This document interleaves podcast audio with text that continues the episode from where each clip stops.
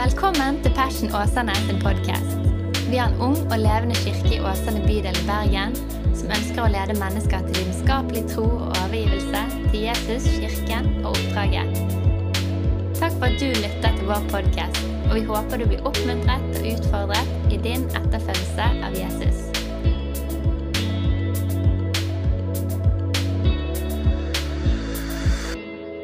God søndag, alle sammen. God søndag. Er det noen som føler at dere har vært med på en eh, rollercoaster? Hva er det gode nynorske ordet for det? Eh, Berg-og-dal-bane eh, av inntrykk. I løpet av disse minuttene her så deler vi samme følelse. Dette har vært en innholdsrik gudstjeneste til nå. Jeg har lyst til å ønske særlig velkommen til dere som ikke har vært der for ofte eller ikke pleier å gå her til vanlig. Hjertelig velkommen til dere. Du, Jeg har gleden av å få lov til å dele Guds ord med oss i dag. og Håper at du er klar for det. Hvis du er vant til kirker eh, der presten går i hvit kjole, eh, så får du det dessverre ikke her i dag. Jeg så på meg selv i speilet. Vi bor i bager akkurat nå, for vi holder på å bygge på huset vårt. Vi skulle være ute en uke, nå er vi på fjerde uken ute. Ingen frustrasjon der. Men uansett, det var ikke mye klær å finne, så det var en svart skjorte. Så tenkte jeg tenk hvis det kommer mennesker i dag og tenker liksom, er dette sånn mørkemannfolk vi kommer til. Så tenkte jeg det blir i så fall helt bekreftet i dag, i hvert fall rent fysisk. da. Men jeg håper det går greit. Jeg skal smile stort for å kompensere. Eh, så det er bra. Har du det greit i dag? Du har det bra. Takk for respons. Det er fint. Du, I dag skal vi snakke om noe litt spennende. Vi skal nettopp, det er en litt utradisjonell tale jeg har lyst til å holde i dag, men helt enkelt å snakke om Hvorfor tror vi egentlig på Gud? Og Nå begynner jeg dette budskapet her, eller denne talen med en bekjennelse. Fordi at Min kone hun har en veldig spennende jobb. Hei. Min kone hun har en spennende jobb. Eh, hun er altså fiskehelsebiolog. og Når folk hører det, så ser de litt rart og så tenker de, hva er det for noe? Og så sier hun fiskeveterinær, for da er det litt mer forståelig. Men det har vært noen sammenhenger der vi gjerne er sammen med kollegaene hennes. Og så er jo jeg med, liksom, for vi er jo gift, så det er jo naturlig iblant. Og husker Vi var til Åre i Sverige en gang. Jeg kunne ikke takke nei, for det var jo gratis. Så jeg ble med bort der, og så kommer kollegaene, og så spør de liksom ja, hvem er du, da? Vil hilse på meg. Og Det vi egentlig spør om i Norge, når vi liksom, hvem er du, er jo hva holder du på med. Og Da skal jeg innrømme at av og til jeg har sagt jeg er lærer. Og For de som kjenner meg, så vet de at det er ikke direkte løgn. Men det er heller ikke direkte sant. da. For Jeg har studert tre år med teologi, ett år med sosiologi og ett år med PPU på slutten. sånn jeg kan kalle meg lærer, for det er sånn universal nøkkel. Så dette, Jeg lyver ikke, men jeg har jobbet ett år som lærer etter utdanning. Det jeg har gjort siden jeg var cirka unnfanget, er å være aktiv i menighetsliv og reise rundt og preke siden jeg var 15 år. Så det er jo det som er sant. Men jeg vet at når jeg sier jeg er pastor så vet jeg hvordan responsen ofte blir. For det første forstår de ikke helt hva det betyr. Eller så tenker de på noe sekterisk greier der de har lukkede vinduer og det er veldig klam stemning innenfor bygget. Og så sier jeg sånn type prest. Og så ser de mer på meg, og så hopper de unaturlig fort videre i samtalen. Og jeg syns det kan være en så smertefull opplevelse. Jeg beklager for å si det, men jeg gjør det av og til. Men Helene hun kjefter på meg, setter øynene i meg og bare 'Daniel, dette er jo en mulighet til å fortelle om hva du tror på.' Jeg er lærer. Kristen lærer.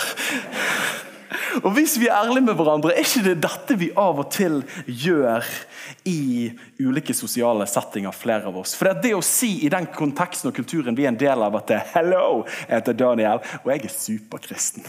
Sånn, det er ikke det sosiale vinnerkortet akkurat nå for tiden. Vi må jo være ærlige med det. sant?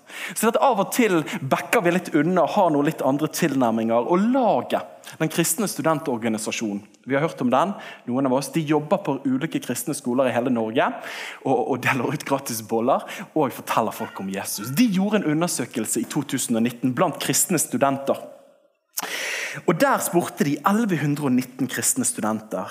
Og Av de så svarte 93,7% at troen ikke burde være en privatsak. Jeg tenkte, veldig bra, Burde vært 100, men vi nærmer oss. Men så sa òg 67% at de ikke turde å snakke om sin tro med sine venner som ikke trodde på Jesus. 67% det er ganske mye. Og 61% sa at de opplevde at de levde i skapet med troen sin. Dette utfordrer meg dette tror jeg utfordrer mange av oss som sier at jeg er kristen og tror på Jesus. For vi får ikke mye drahjelp fra kulturen rundt oss. Peter, disippel til Jesus, han skriver i sitt første brev noe som utfordret de første kristne. Vi kan jo tenke at vi er det tøft pga. at vi ble av og til ikke liksom klappet fram hvis du sier at jeg tror på kristen etikk og tror det er det beste for alle mennesker. Jeg. Så vinner ikke man alltid situasjonen eller diskusjonen. Men de første kristne ble jo gjerne forfulgt for sin tro. Og Noen endte opp med å bøte med sitt liv fordi de sa jeg tror på han JC, Jesus Christ. Peter sier til dem, hør på det her. Hellige Gud som Herre i deres hjerter. Det er jo fint kristent språk som betyr la Jesus være sjefen i livet ditt. Og så sier han vær alltid forberedt på å gi et svar til alle som ber deg om å gi grunn til håpet du har. Altså, Vær klar til å forsvare eller forklare hvorfor du tror på det du tror på. Hvis han sa det til de som risikerte livet sitt, burde ikke vi òg ta denne oppfordringen til oss? Vær klar og fortell hvorfor tror du på Jesus. Og Jeg tror ikke alltid det bare handler om vår frykt for hvorfor. Jeg tør ikke å si det pga. at det ikke er så populært. Men jeg tar det for min egen del. At det ikke alltid jeg har tenkt igjennom. Hvorfor tror jeg sånn egentlig? Hvorfor er jeg en kristen? Å tenke igjennom de spørsmålene der tror jeg flere av oss ikke har gjort. Og jeg tar meg selv i at jeg ikke alltid har gjort det. Så spørsmålet jeg har lyst til å stille i dag, er hvorfor tror jeg på Gud? Og Nå skal jeg være litt ærlig med dere her i dag og prøve å dele noen av mine grunner. Men jeg har òg lyst til å oppmuntre deg underveis og tenke etter. Hvorfor tror jeg egentlig på Gud? Er det pga. at det er så kul, kul, musikk og at det er så koselig å komme sammen og at du får gratis kirkekaffe? liksom? Det kan jo du få andre steder. Det må jo være noe som veier litt mer. Og tenker på De første kristne som risikerte livet sitt. De burde jo da ha en god grunn. Ikke sant? Og Det tror jeg vi òg må ha. Så Jeg satte meg ned nå i denne uken her og skrev ned Daniel, hvorfor tror du sånn egentlig. Og Da rablet jeg ned noen grunner, og så tok jeg og prøvde å systematisere de litt etterpå. Men da ble det som følgende. Noen filosofiske grunner. Hvorfor tror Sæbjørnsen på Jesus? Først er mening. Jeg opplever at dette livssynet svarer best på flest av livets spørsmål. Moral det gir en ytre fundament for å leve rett. Skjønnhet. Mennesker har kapasitet til å nyte og skape kunst og kultur. Jeg vet ikke om du har tenkt på det før, Men hvis vi bare er et lykketreff av evolusjonsutvikling, det at du da kjenner på forelskelse og kunst og klarer å nyte de tingene der, er jo nesten litt merkelig. Vitenskapelig, fininnstilt univers, sannsynligheten for avansert liv skal oppstå ut av intet, krever mye tro. Mennesket vesensforskjellig for alle andre liv. Du har aldri sett et apekatt liksom lure på skal ha en etisk refleksjon om man bør skade det andre dyret. Men mennesker tenker. Vi er ulike de andre. Teologisk Jesus jeg kjenner ingen som han. Han står ut i verdenshistorien. Det er noe spesielt med han. Bibelen, for en forunderlig bok som kan være litt merkelig. Samtidig så er det en indre sammenheng som er nesten uforklarlig å tro når den er skrevet over 1500 år og 40 ulike forfattere. Hvordan er det mulig at likevel det er en sånn symmetri i det? Dette er med å overbevise meg i min tro. Noen andre videre grunner Historisk. Den kristne læreren står i en unik posisjon og skapt det beste samfunnet vi kjenner til i historien, som er det vestlige samfunnet med sine rettigheter for enkeltindivider. Oppstandelsen, mange bevis for det. Sosialt, kirken. Jeg vet ikke om et, krist, et fellesskap som er så unikt, så globalt og så allment som det kristne kirken. Et godt liv, det kristne budskapet, har løftet enkeltmennesker og samfunn ut av fattigdom og inn i et bedre liv. Og personlig egen erfaring og evangeliet. Huh! Her var det mange grunner. Og nå tenkte jeg vi skulle jobbe systematisk gjennom de alle. Tuller. Eh, jeg tenkte jeg skulle Nå må jeg bare kjenne til var herlighet. Ser jeg. Så er mormoren til Helene. Tar og vender på øynene sine. Ja ja, Tone. Sånn er det. Men uansett. Jeg tenkte jeg skulle løfte opp noen tanker når det kom til disse tingene her. Og Dette er noen av mine grunner til hvorfor tror jeg.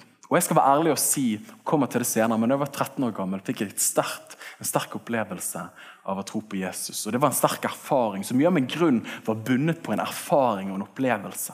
Men med årene så vet vi at erfaringer og følelser kan komme og gå. Det er jo bare å bli gitt. Sant? Og så merker man at det kan komme og gå, og man trenger noe mer trygt og fast enn bare en opplevelse. Og Da måtte man begynne å tenke gjennom årene. Og Jeg har lyst til å løfte opp tre enkle grunner til at jeg tror. Og Det første er et fininnstilt univers. Det kan jo du tenke er litt morsomt. At en som hadde p-matte og ikke forsto noe av naturfagstimen for utenom bien og blomsten, skal ha dette som et overbevisende argument. Men det lille jeg har fått med meg, er faktisk veldig overbevisende. For at man lever fort med den tanken der at den kristne tro og vitenskap står imot hverandre. At troen det er på kollisjonskurs med vitenskapen. Troen den er subjektiv, mens vitenskapen den er objektiv. Er ikke vi enige at vi fort kan tenke på den måten der?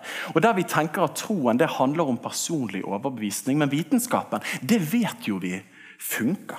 For vi vet at medisin fungerer, og vi vet at to pluss to ofte er fire, stort sett. Så Vi trenger ikke bli overbevist om at vitenskap har gjort mye godt. Og så tenker vi at dette er motsetninger. Men for meg så har det blitt en glede å kunne få lov til å lese at noen av de første moderne vitenskapsfolkene vi har her i Vesten, ikke var agnostikere eller ateister, men dypt religiøse mennesker.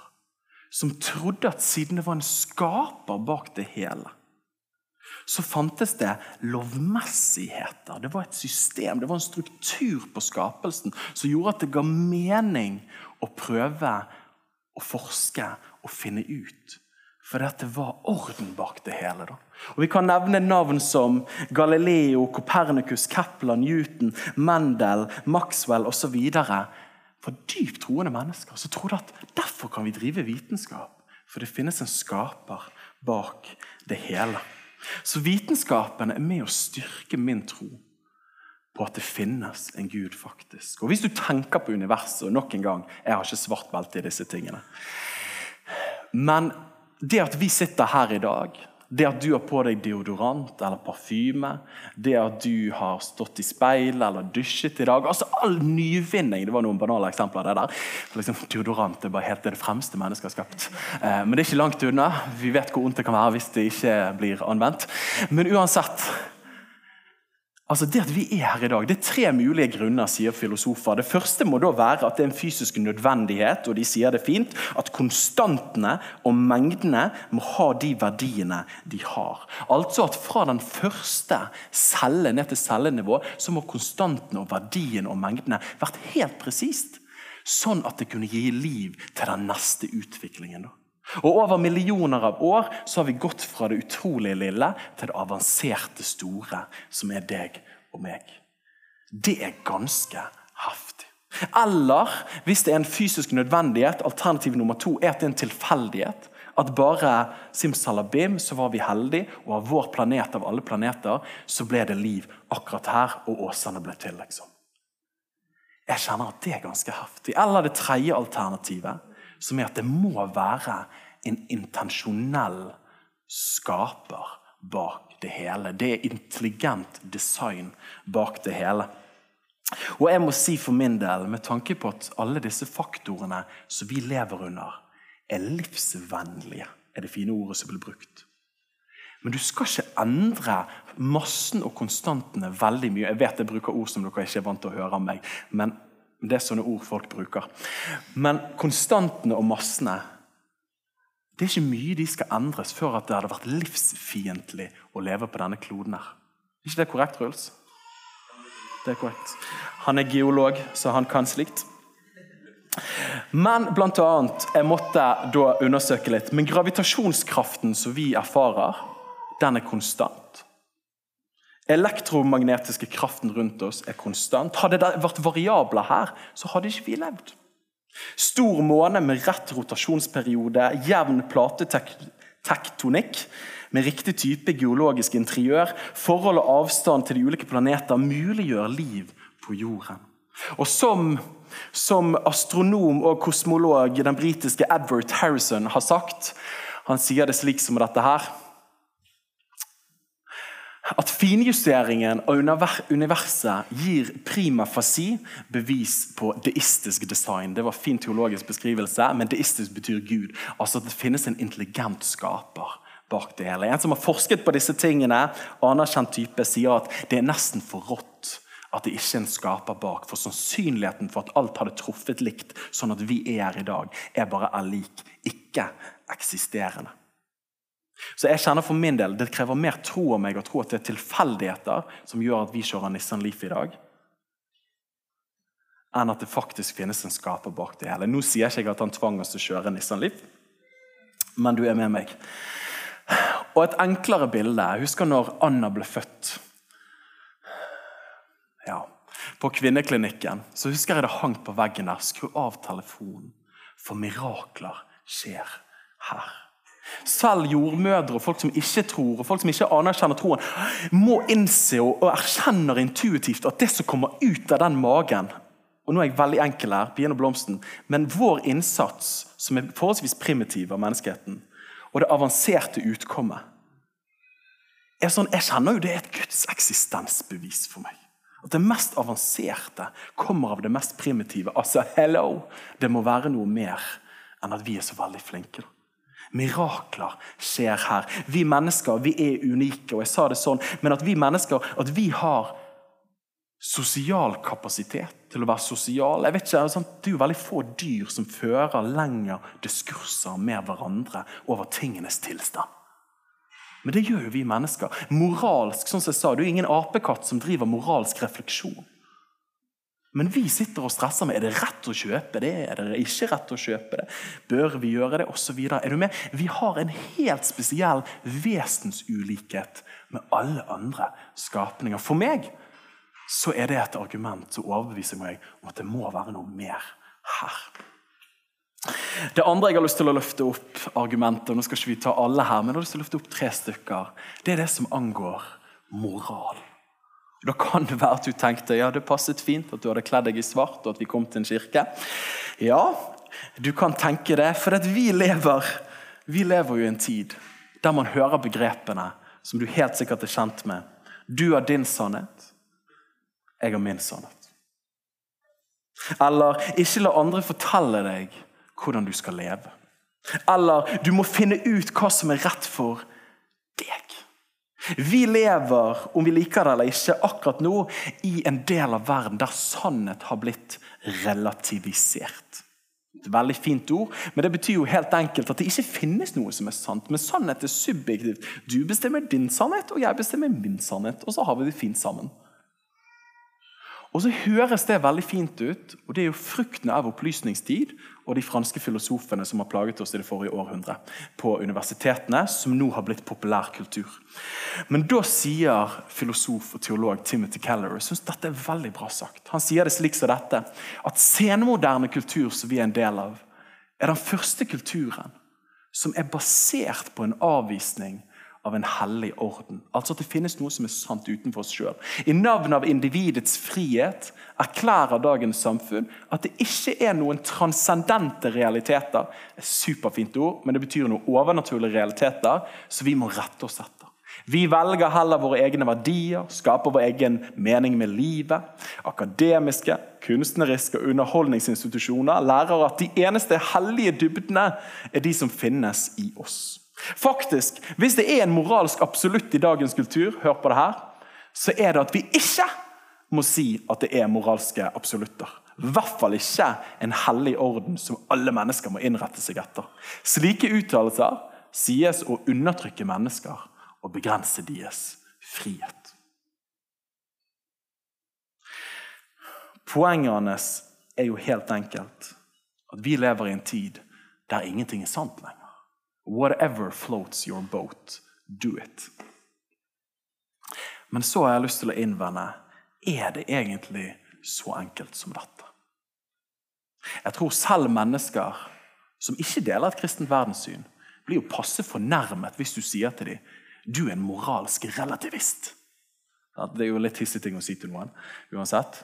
Men å si at du står ikke for at noe er rett eller galt, da vil jo folk bli fornærmet. For selv om vi ikke tror på en gud, så vil jo de fleste si det er jo noe som er rett. Og det er jo noe som er galt. Er ikke vi enige med det? Og de som til og med sier, og er beinharde naturalister, sier at det finnes ingenting som er godt eller ondt, så røper kroppsspråket deres at de faktisk er ganske moralske likevel. For Hvis du tar bilen deres, tipper jeg de blir sur likevel. Det er da ikke riktig. Men hvorfor er ikke det riktig? For jeg følte for det. Nei, men det er jo bare feil. Ja, men hvorfor er det feil? Tar du eksempelet? Eller vi her i Vesten.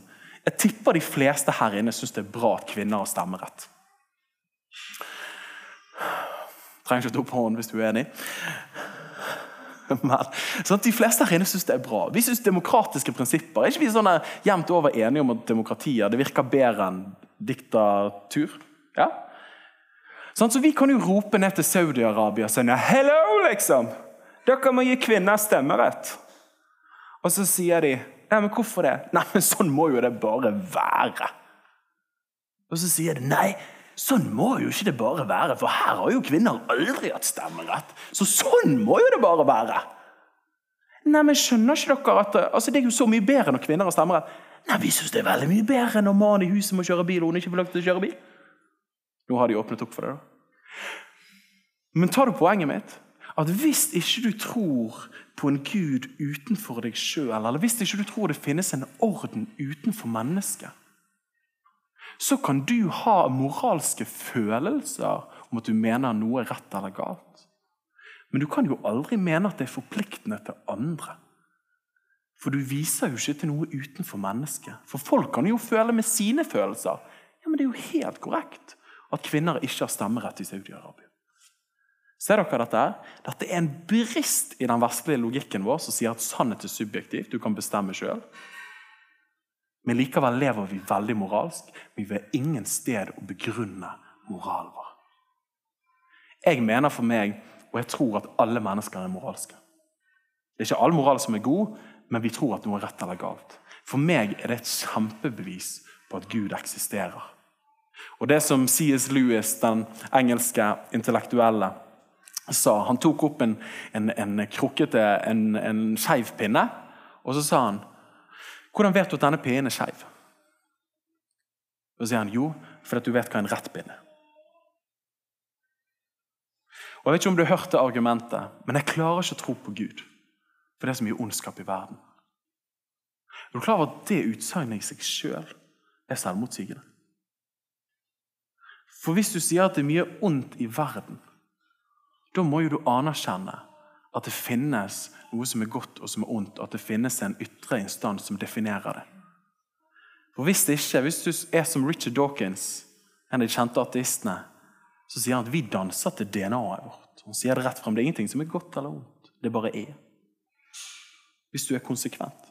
Så det å si at jeg tror ikke på Gud for det er ondt i verden, bare det argumentet forutsetter at det finnes noe som er godt eller vondt. som egentlig ikke henger på greip hvis du ikke tror på en Gud. Så for meg er det et viktig argument.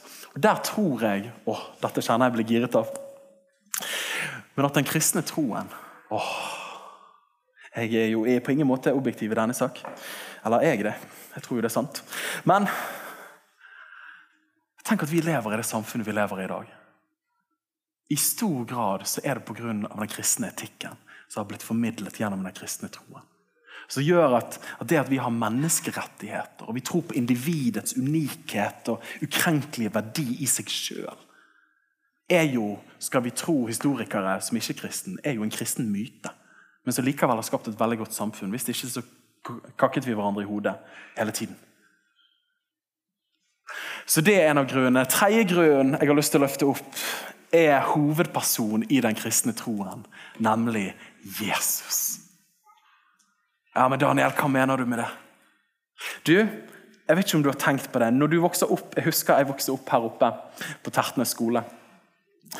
Og Da husker jeg KRL-timen.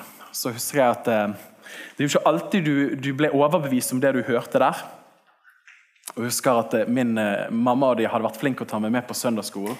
Så jeg hadde jo de fleste stjerner i søndagsskolekortet. Det er jo derfor jeg er pastor. Jeg husker Læreren ble veldig sur på meg, for jeg rettet på han når han sa feil i kristendomstimen. Det var sikkert skikkelig irriterende unge. Så det fikk jeg beskjed om at det måtte jeg slutte med. Sluttet jeg? På ingen måte. Men utover det, utover det personen Jesus. Noen kan jo si ja, men har Jesus egentlig eksistert? Det må jo man bare stikke hull på den myten. Det er hevet over enhver tvil. Jesus, Personen Jesus har eksistert. Og Det er historisk bevitnet at det ikke bare gjennom bibelskrifter som er de fleste skriftene vi har fra antikken. Er du klar over de bibelske manuskriptene i forhold til andre er bare helt crazy. Altså det er bare, Forholdet er bare sånn. liksom. Men utover det, bevitnet i mange andre kilder, han har levd. Men én ting er at han har levd, men var han den han sa at han faktisk var? Hva er det da som gjør med Jesus at han skiller seg ut? For meg den kristne læren, første punktet. Vi har gjort teknologiske framspring. Framspring, er det et ord?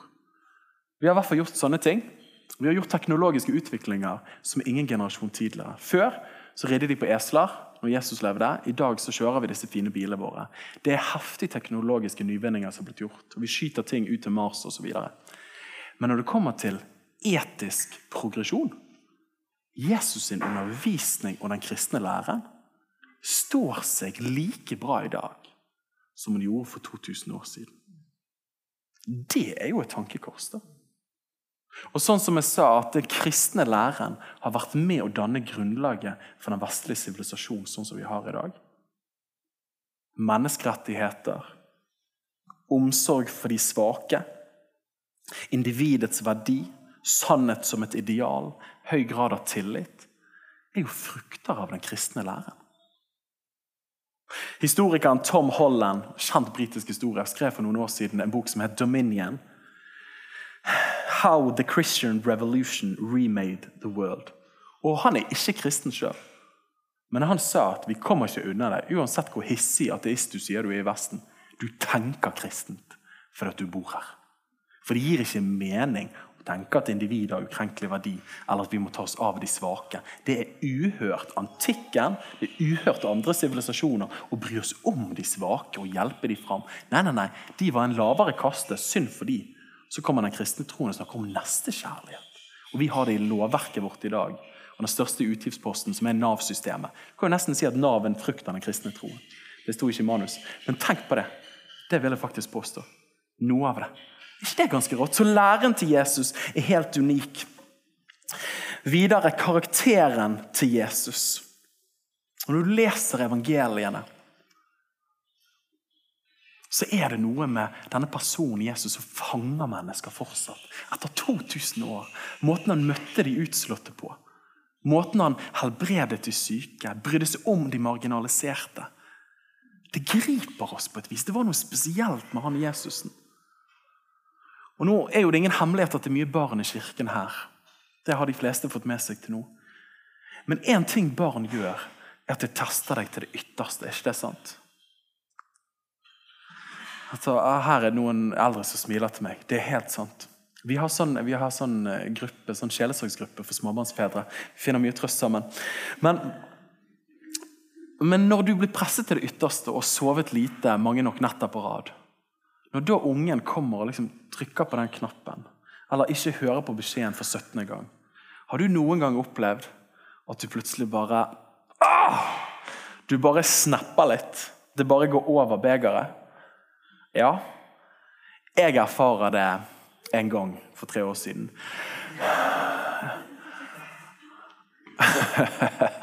Man skal ikke lyge. Eh, men uansett, det skjedde sikkert i dag tidlig.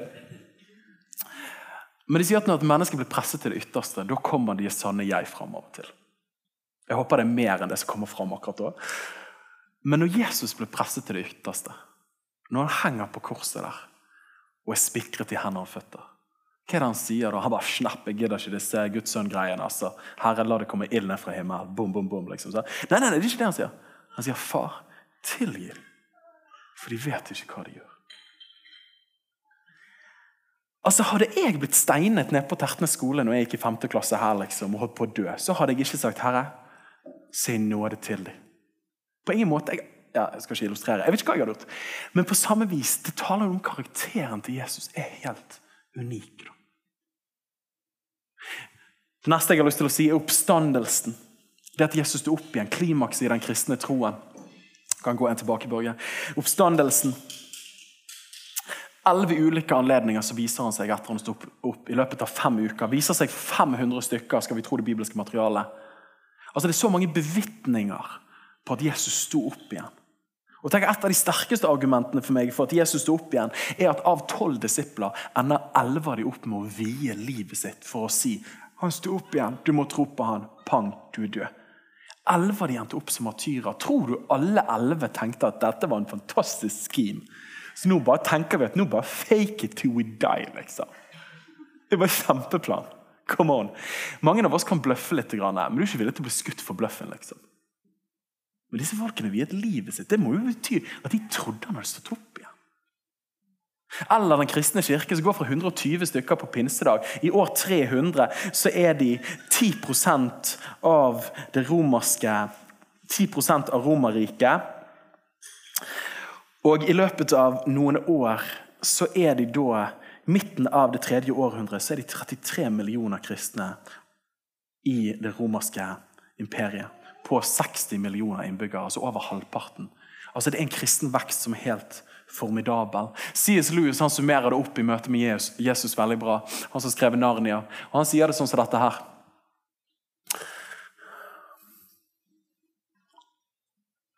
Han sier det slik som dette, at vi må ta, ta vårt valg.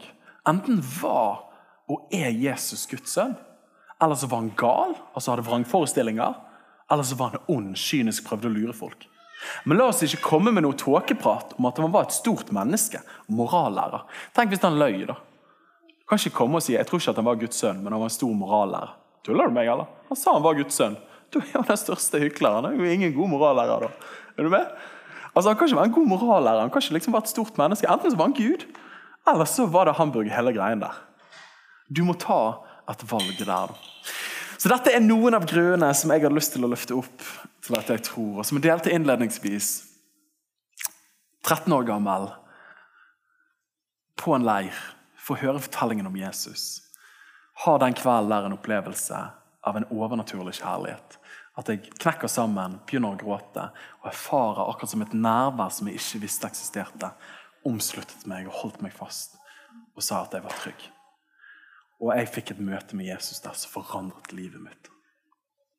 Erfaringene òg er viktig, men det bygger ikke bare på erfaringene. Og hovedgrunnen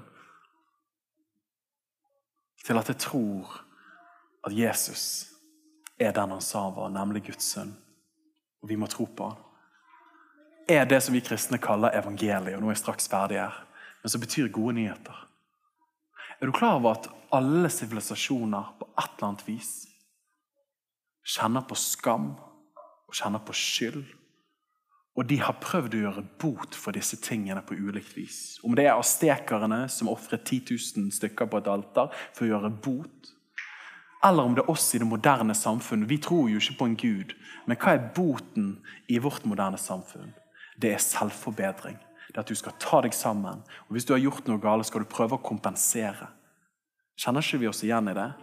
Vi prøver, for vi kjenner på skyld og vi kjenner på tilkortkommenhet. Der tror jeg at evangeliet, den kristne læren, er den eneste medisinen for menneskets hjerte som virkelig kan løse oss på dypet.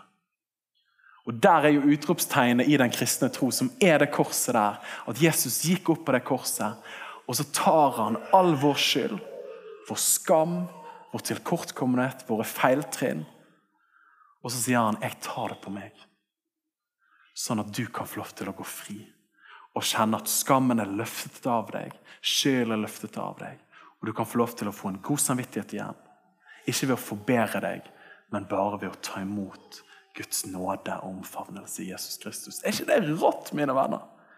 Det grep mennesker for 2000 år siden, og det griper mennesker mer i dag enn noen gang i historien. Vi ser flere folk komme til tro på Jesus i dag enn ever i, historien. Evangeliet går ikke ut på dato pga. at det treffer det dypeste behovet i menneskets sjel. opplevelsen av tilgivelse og tilhørighet og et evig liv hos Gud. Kjærlighetens apostel avslutter med et sitat fra han. Han sier det slik I dette er kjærligheten. Ikke at vi har elsket Gud, men at Han har elsket oss og sendt sin sønn til soning for våre synder. Derfor tror jeg på Gud. Mitt spørsmål til deg i dag er helt enkelt Hva tror du? Og òg et oppfølgingsspørsmål til de her inne som sier jeg tror på Jesus. Så jeg har lyst til å stille spørsmålet men hvorfor tror du egentlig? Skal vi ta og lukke våre øyne, så ber vi sammen. Jeg har lyst til å gi anledningen Hvis du er i dag, Vi kjente på det før når vi ba her eh, før møtet i dag. At Hvis du er i dag og du sier Danny eller Daniel Det var veldig uformelt. Daniel. Hvis du og, og sier vet du hva, Daniel, jeg har ikke tatt en beslutning om å, om å tro på Jesus eller jeg har lyst til å ta et steg nærmere han. Mens vi har øynene våre igjen, alle sammen, så kommer jeg til å telle til tre. og Jeg pleier å gjøre dette masse når jeg er ute og, og forkynner. Men hvis du er her da og sier vet du hva, Daniel, jeg har lyst til å gi Jesus en sjanse, så når jeg teller til tre, så kan du få lov til å forsiktig ta hånden din opp i været. Og så ber vi en enkel bønn, eh, og så kan du få lov til å være med i ditt hjerte. Én, dette er din dag. To, Jesus elsker deg. Og tre, hvis det er deg, så mens vi har øynene våre igjen, respekt for hverandre så kan du få lov til å ta din hånd opp i været hvis det er deg. Mm. Mm. Så fint. Ja. Da ber jeg en enkel bønn, og du kan få lov til å være med meg i ditt hjerte. Jesus, takk for at du elsker meg. Takk for at du kom til denne jorden for å vise oss veien hjem igjen.